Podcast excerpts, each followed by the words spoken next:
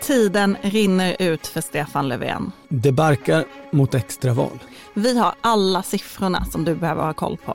Och alla spekulationerna om hur det här kan sluta. Plus massa om fotboll. En del i alla fall.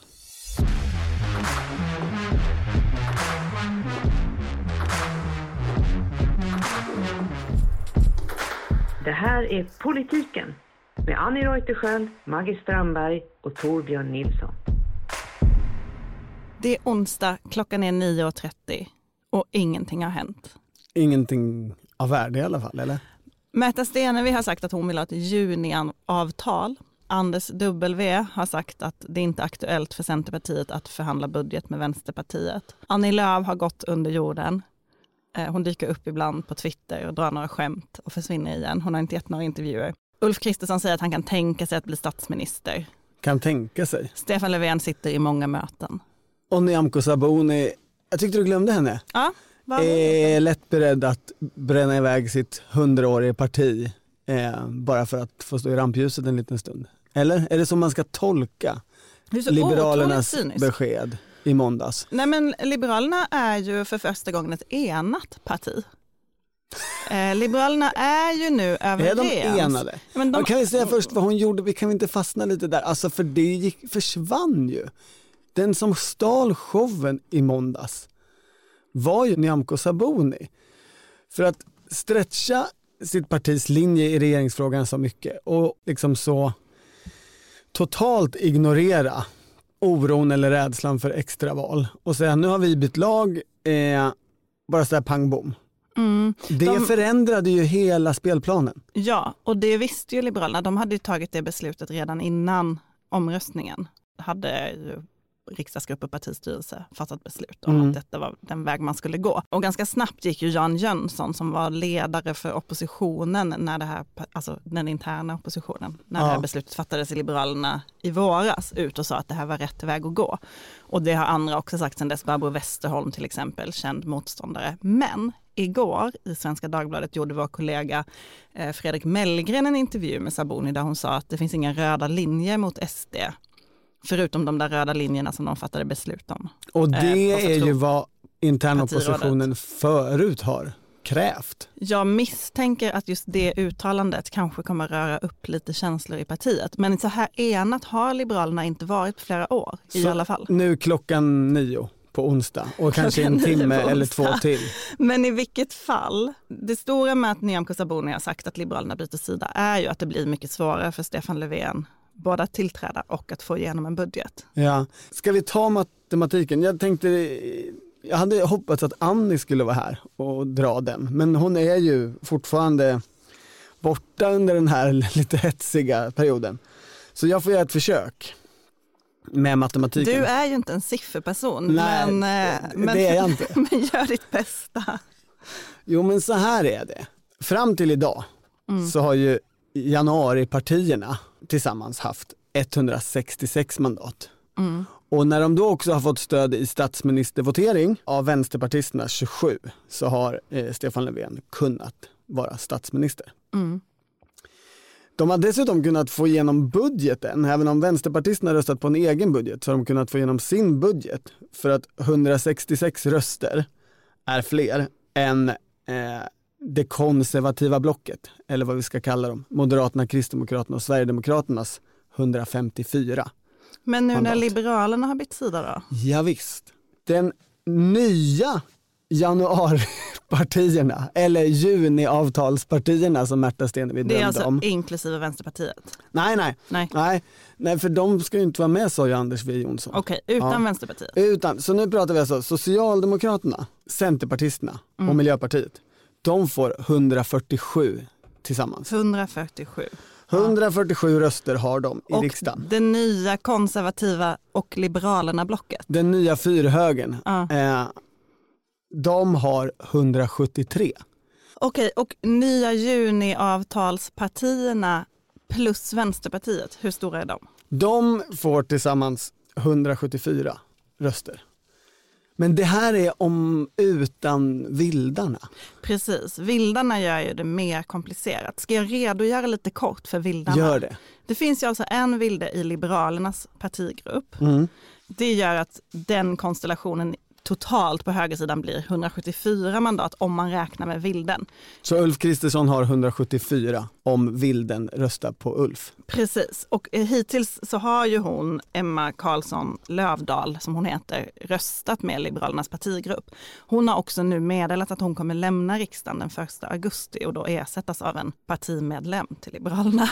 ehm, och så sen, finns det en Vilde på vänstersidan också. Precis, och det är ju Amineh Kakabaveh. Mm. Hon är ju lite mer av ett wildcard på sitt sätt som person skulle jag säga. Hon är ganska rolig för hon har ju röstat under hela 55-manna-riksdagen. Det har egentligen varit en 56-manna-riksdag för att hon liksom vill, vill fullfölja sitt uppdrag. Mm -hmm. um, men inte påverkat voteringarna. Hon är ju dock väldigt tydlig med att hon inte kommer göra någonting som ger Sverigedemokraterna inflytande.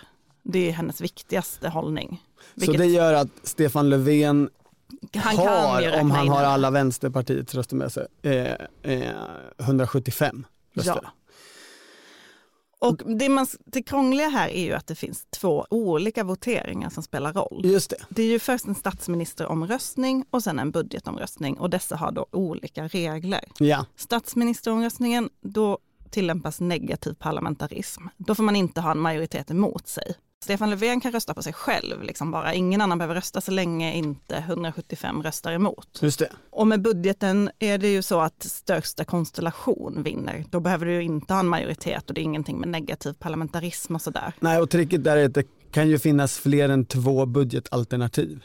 Det är ju så det har varit hittills, att vänsterpartisterna har röstat på sin budget och på det sättet har ju januaripartiernas budget fått fler röster än de borgerligas. Ja, alltså praxis är ju vanligtvis att man röstar på sin egen budget. Sen har ju Sverigedemokraterna frångått det vid några tillfällen. Det som hände när det var övergångsregering under den långa regeringsbildningen efter förra valet var ju att Centerpartiet och Liberalerna la ner sina röster som praxis alltid har varit. Men Sverigedemokraterna röstade på M och KD-budgeten, också känd som servettskissen därför gick den igenom. Mm. Alltså jag vet inte om vi ska dra budgetsiffrorna. Jo men det är det här som är det intressanta. Okej, okay.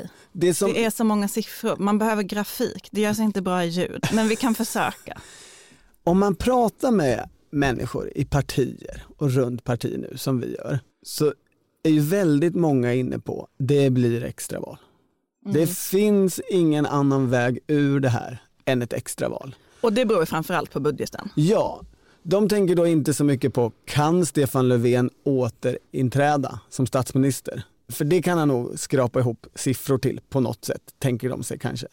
Men problemet är att han inte får igenom någon budget i höst eftersom Centerpartisterna inte vill prata med vänsterpartisterna. Mm. Och ska han få igenom sin budget när han inte längre har med sig Liberalerna så måste vänsterpartisterna rösta på den budgeten. Centerpartister och vänsterpartister måste komma överens om en budget för att det ska gå. Ja, för Nooshi Dadgostar har ju tydligt sagt att hon kommer inte rösta på en budget som hon inte har varit med och förhandlat. I nuläget säger hon ju nej till ett scenario där Socialdemokraterna, Miljöpartiet och Centerpartiet skulle förhandla budget och hon skulle liksom stötta den i utbyte mot gratis glasögon till barn eller så. Mm. Det finns väl redan, men alltså det säger hon ju nej till nu. Saker kan ju ändras men ja. Och då tänker alla att det är ett låst läge. Men jag pratade med en socialdemokrat, mm. eh, som hade ett resonemang som lät så socialdemokratiskt som något kan låta och därför började jag tänka, det här är kanske den tänkbara vägen ut för Socialdemokraterna. Det var Stefan Löfvens masterplan?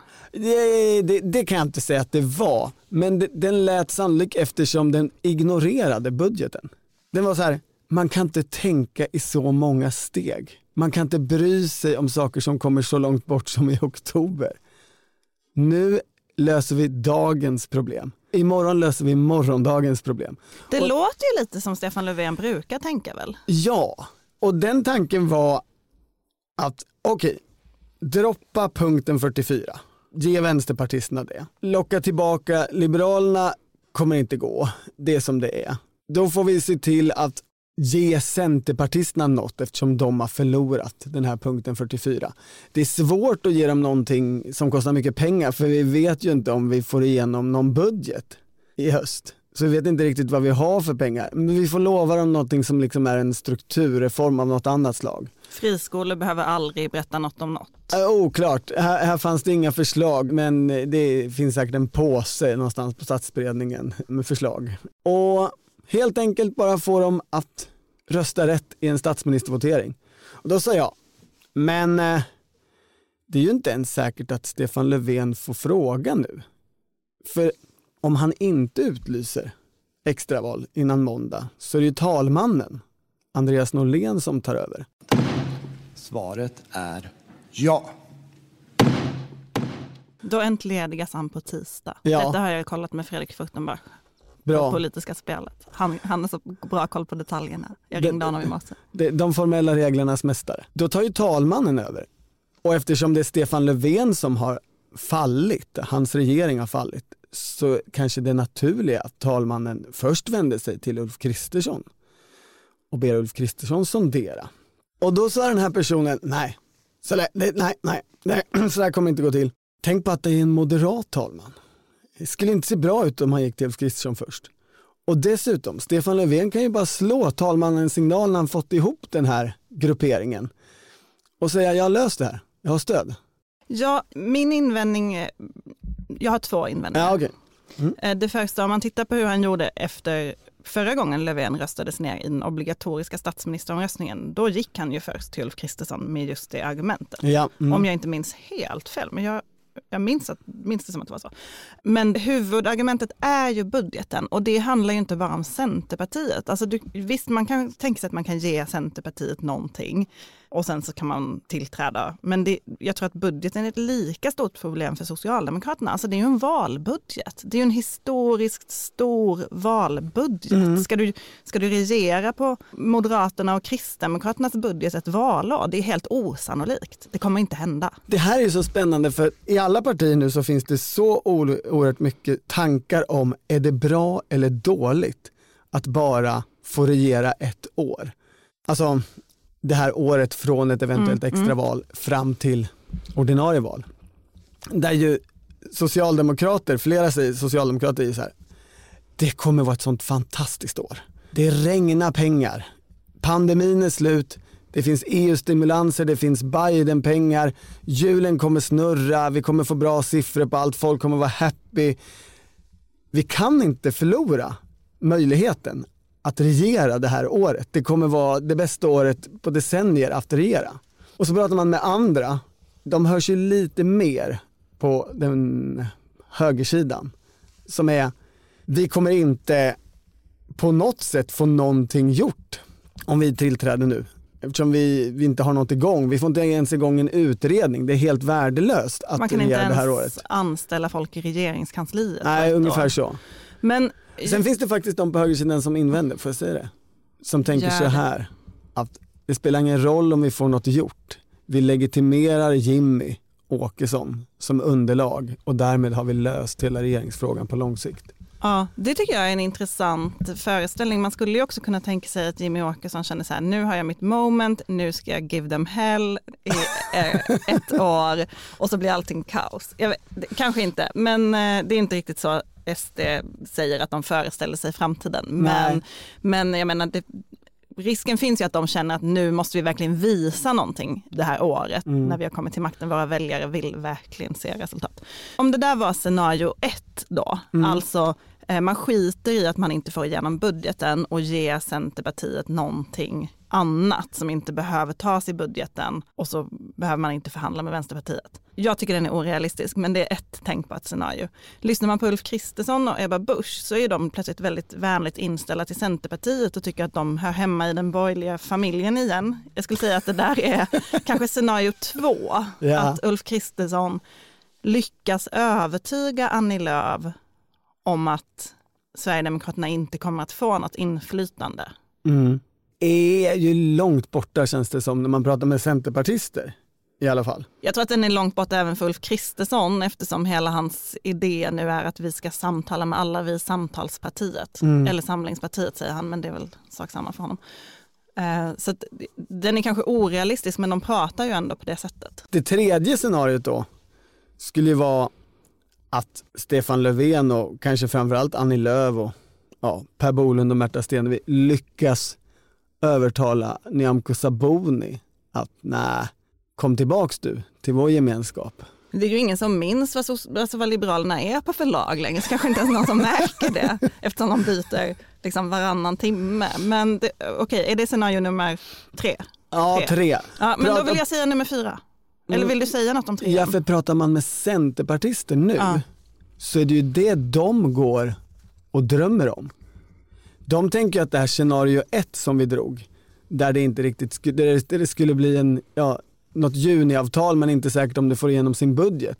Det tycker de är ointressant för det som är intressant för dem är att få vara med och påverka budget som man vet blir av. Så de tänker, vi måste få tillbaks Nyamko.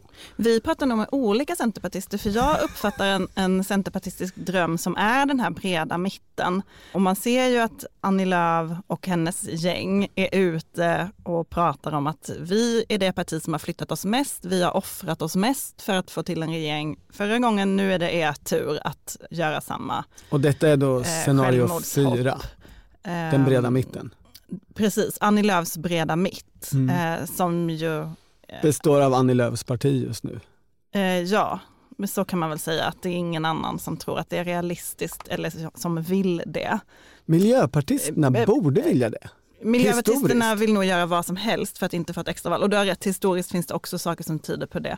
Det finns också, jag vet inte vilket nummer vi är på nu, men nu Ja, kanske det- scenario nummer fem. Mm. Då skulle jag säga att det pratas också om den här gamla alliansen plus MP-lösningen. Jag har vissa miljöpartister i min mobiltelefon som säger det vore ju fint om det var ett realistiskt scenario.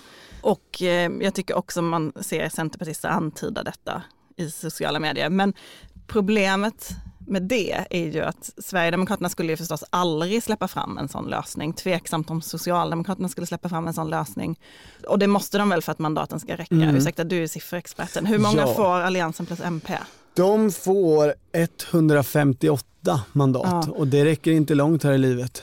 Nej, och jag menar att Ulf Kristersson nu efter att en ny migrationslag togs i riksdagen igår, som han egentligen säger är alldeles för mjäkig och eh, med den här humanitära skyddsgrunden som Miljöpartiet har slagits för, att han nu skulle gå in i något slags ny överenskommelse med dem och ha SD utanför. Det finns ju inget, ingen realism i detta. Men är det inte lite mysigt med den här regeringskrisen att det blir som en snabbspolning av de senaste tio årens politiska händelser för att alla gamla alternativ dyker upp.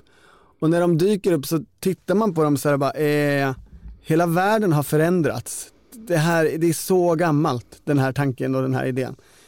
Det är ja, mysigt, jag vet inte om det är rätt ord. Alltså det är värmebölja, jag tycker det är mysigt med glass och bad och annat. Men ehm, ja, det är, in, det är intressant.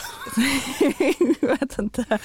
Men det är ju onsdag idag Ja, och det finns ju en tidsfaktor här som inte bara är att Stefan Löfven ska ge ett besked innan måndag. måndag var det ju omröstning, då föll Stefan Löfven. Då Mm. satt eh, Socialdemokraternas partistyrelse och verkställande utskott sen i möte efter alla de här presskonferenserna. Tisdag var det ju full radiotystnad, förutom att Nyamko var ute och pratade en del. Men då satt ju enligt eh, mina källor Annie Lööf och Stefan Löfven i samtal. Först fick jag höra att de satt i förhandlingar och då ringde jag till Centerns pressmänniskor, eller jag smsade Centerns pressmänniskor och frågade sitter de i förhandlingar. Det kan vi dementera! Utropstecken. Och så tänkte jag, oj det var ovanligt starkt. Och sen kom jag på att ja, men de kanske bara dementerar ordet förhandlingar. Så då Ja. försökte jag fråga typ tio gånger, men dementerar ni också samtal och möten? Och då sa de så här, nu får du inga fler svar. Då blev det liksom för jobbigt. Det tyder väl på att det skedde samtal och möten. Men ordet förhandlingar verkar känsligt för Centerpartiet i det här läget. Ehm, för att det skulle ju också kräva någon form av förflyttningsmöjligheter. Sen idag onsdag, imorgon torsdag, Mm. då åker Stefan Löfven till Bryssel på EU-toppmöte om pandemin.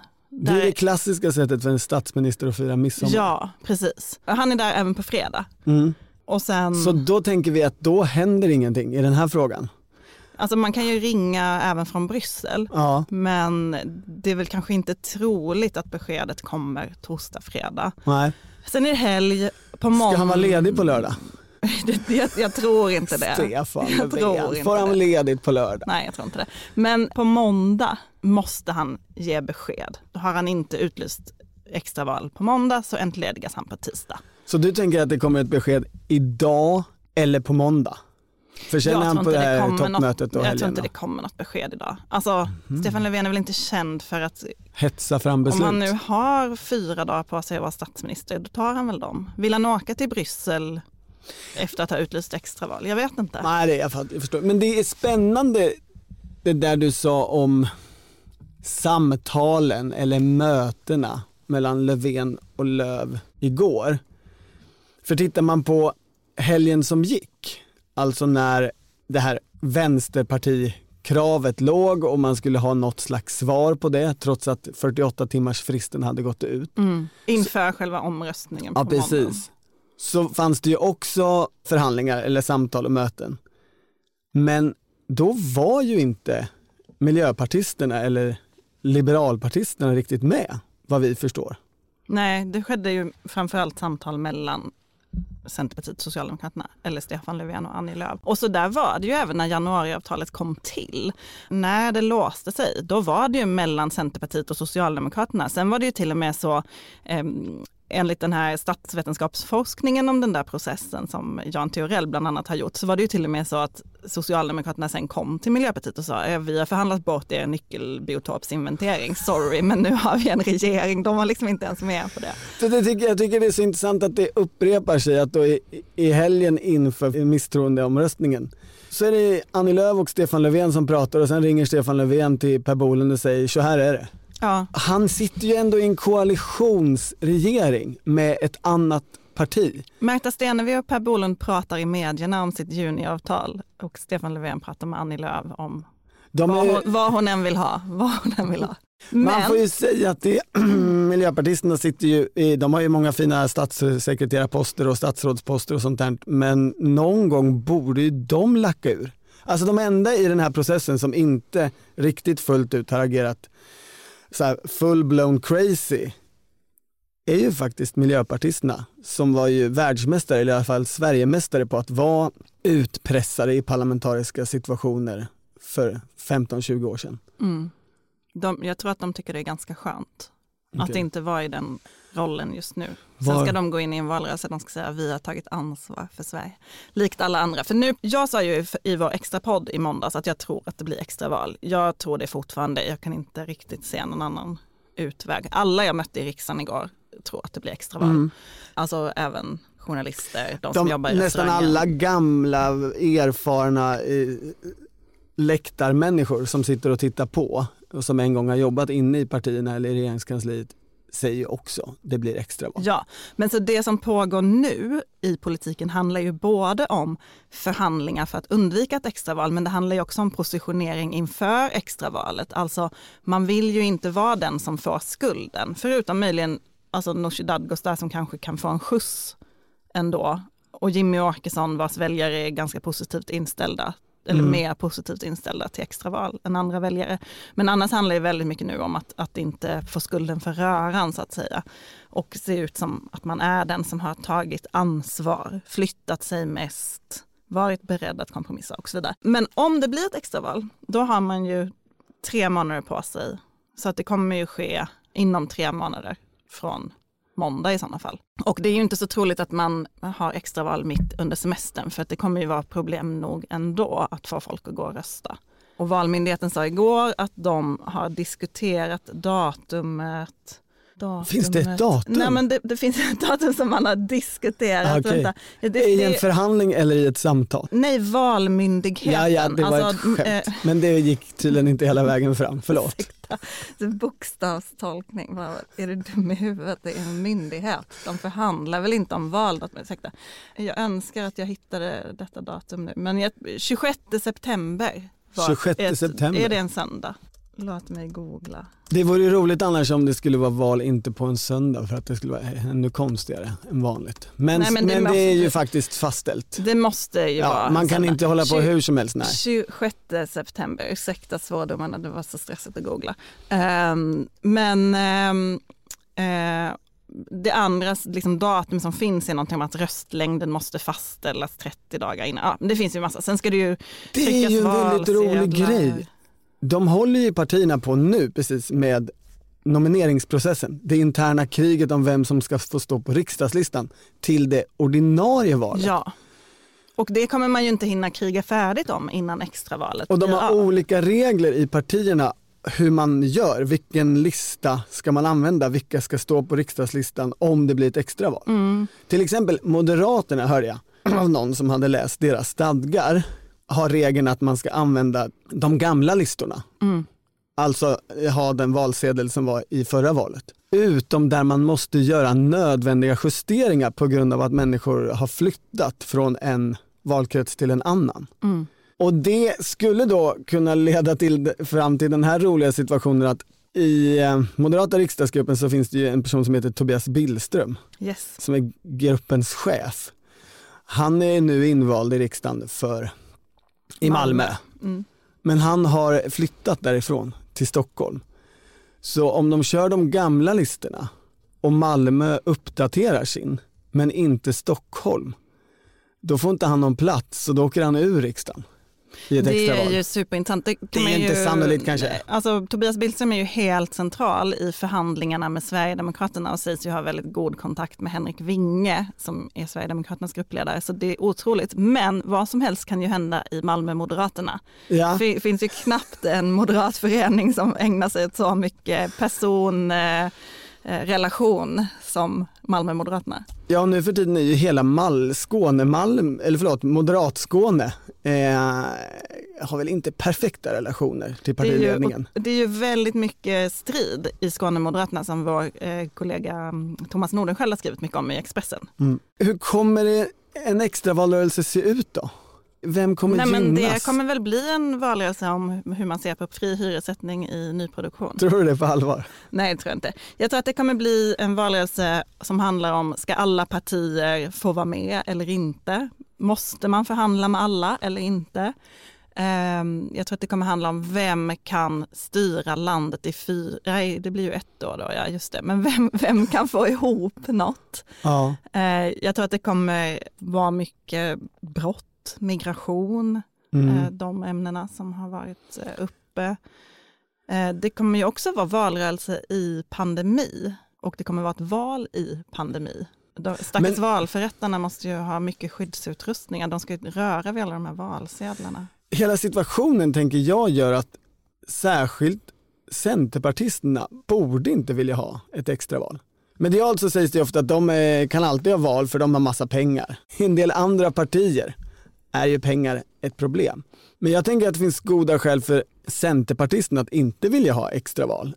Eftersom det som ju blir frågan tror jag är, ska man fortsätta med isoleringsstrategin? Ska svensk politik hålla på och utesluta olika partier från, från samtal och samarbeten? Och även om det säkert är fullt möjligt att Centerpartiet som parti gör ett ganska bra val i extravalet så är ju risken stor från Centerhåll sett att de förlorar den här övergripande strategiska striden och frågan. Jag vill invända. Ja, För anade det. Säg att ehm, alternativet för Centerpartiet då är att acceptera någonting som innefattar Vänsterpartiet. Mhm. Att de liksom släpper på, på vänsterkravet. Då ska de gå till val om ett år och vara av med halva ytterkantspartikravet. Då kan man tänka sig att det kommer krav i partiet om vi har släppt mot Vänsterpartiet måste vi också kunna släppa mot Sverigedemokraterna. Absolut. Det tror jag kan bli riskabelt för Annie Lööf. Även om hon har stöd för sin linje nu så kan det ju, det kan ju rucka på saker. Men jag har en invändning till. Ja, men Jag ser att du drar efter ja, andan. därför att det är precis det här jag menar skulle kunna hända i en extravalrörelse. Man Ja. förlorar den, det krackelerar hela det projektet, sen har man stämma, eh, Annie Lööf avgår och sen, Men tänk så här då. Centerpartiet kommer ju av allt att döma behöva välja sida någon gång. De kommer ju liksom behöva bekänna färg. Antingen gör de det nu eller Mhm. så gör de det om ett extra val. efter ett extraval menar jag. Alltså precis, precis efter ett extra Ja, ja, val. ja. Mm. Ehm, och när jag har flera gånger frågat Annie Lööf, vad tyder på att det ska gå lättare för dig den här gången att få ihop din mittenkonstellation än vad det gjorde under regeringsbildningen då du drev samma sak men ingen trodde på din tanke. Och då har hon hela tiden haft ett svar och det är valresultatet. Mandaten kan se annorlunda ut. Mm. Tror du inte ändå att hon hellre tar extravalet och liksom gamblar med att det blir en mer fördelaktig mandatfördelning för henne än det hon vet nu?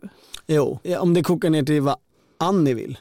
Det, det är väl Annie Lööf som bestämmer i svensk politik? Då är, det ju, då är ju grundgrejen som hon själv brukar beskriva, säga, att hon är en optimist och en vinnarskalle. Mm. Det är de två orden hon brukar använda om Då, sig själv. hon väl, då har hon väl redan Så hon- skrivit sina Hon är redan övertygad om att hon har vunnit en massa nya mandat i det nya extravalet. Ja, jag tycker det är givet. I play football because I'm the best in playing football. I don't do politics.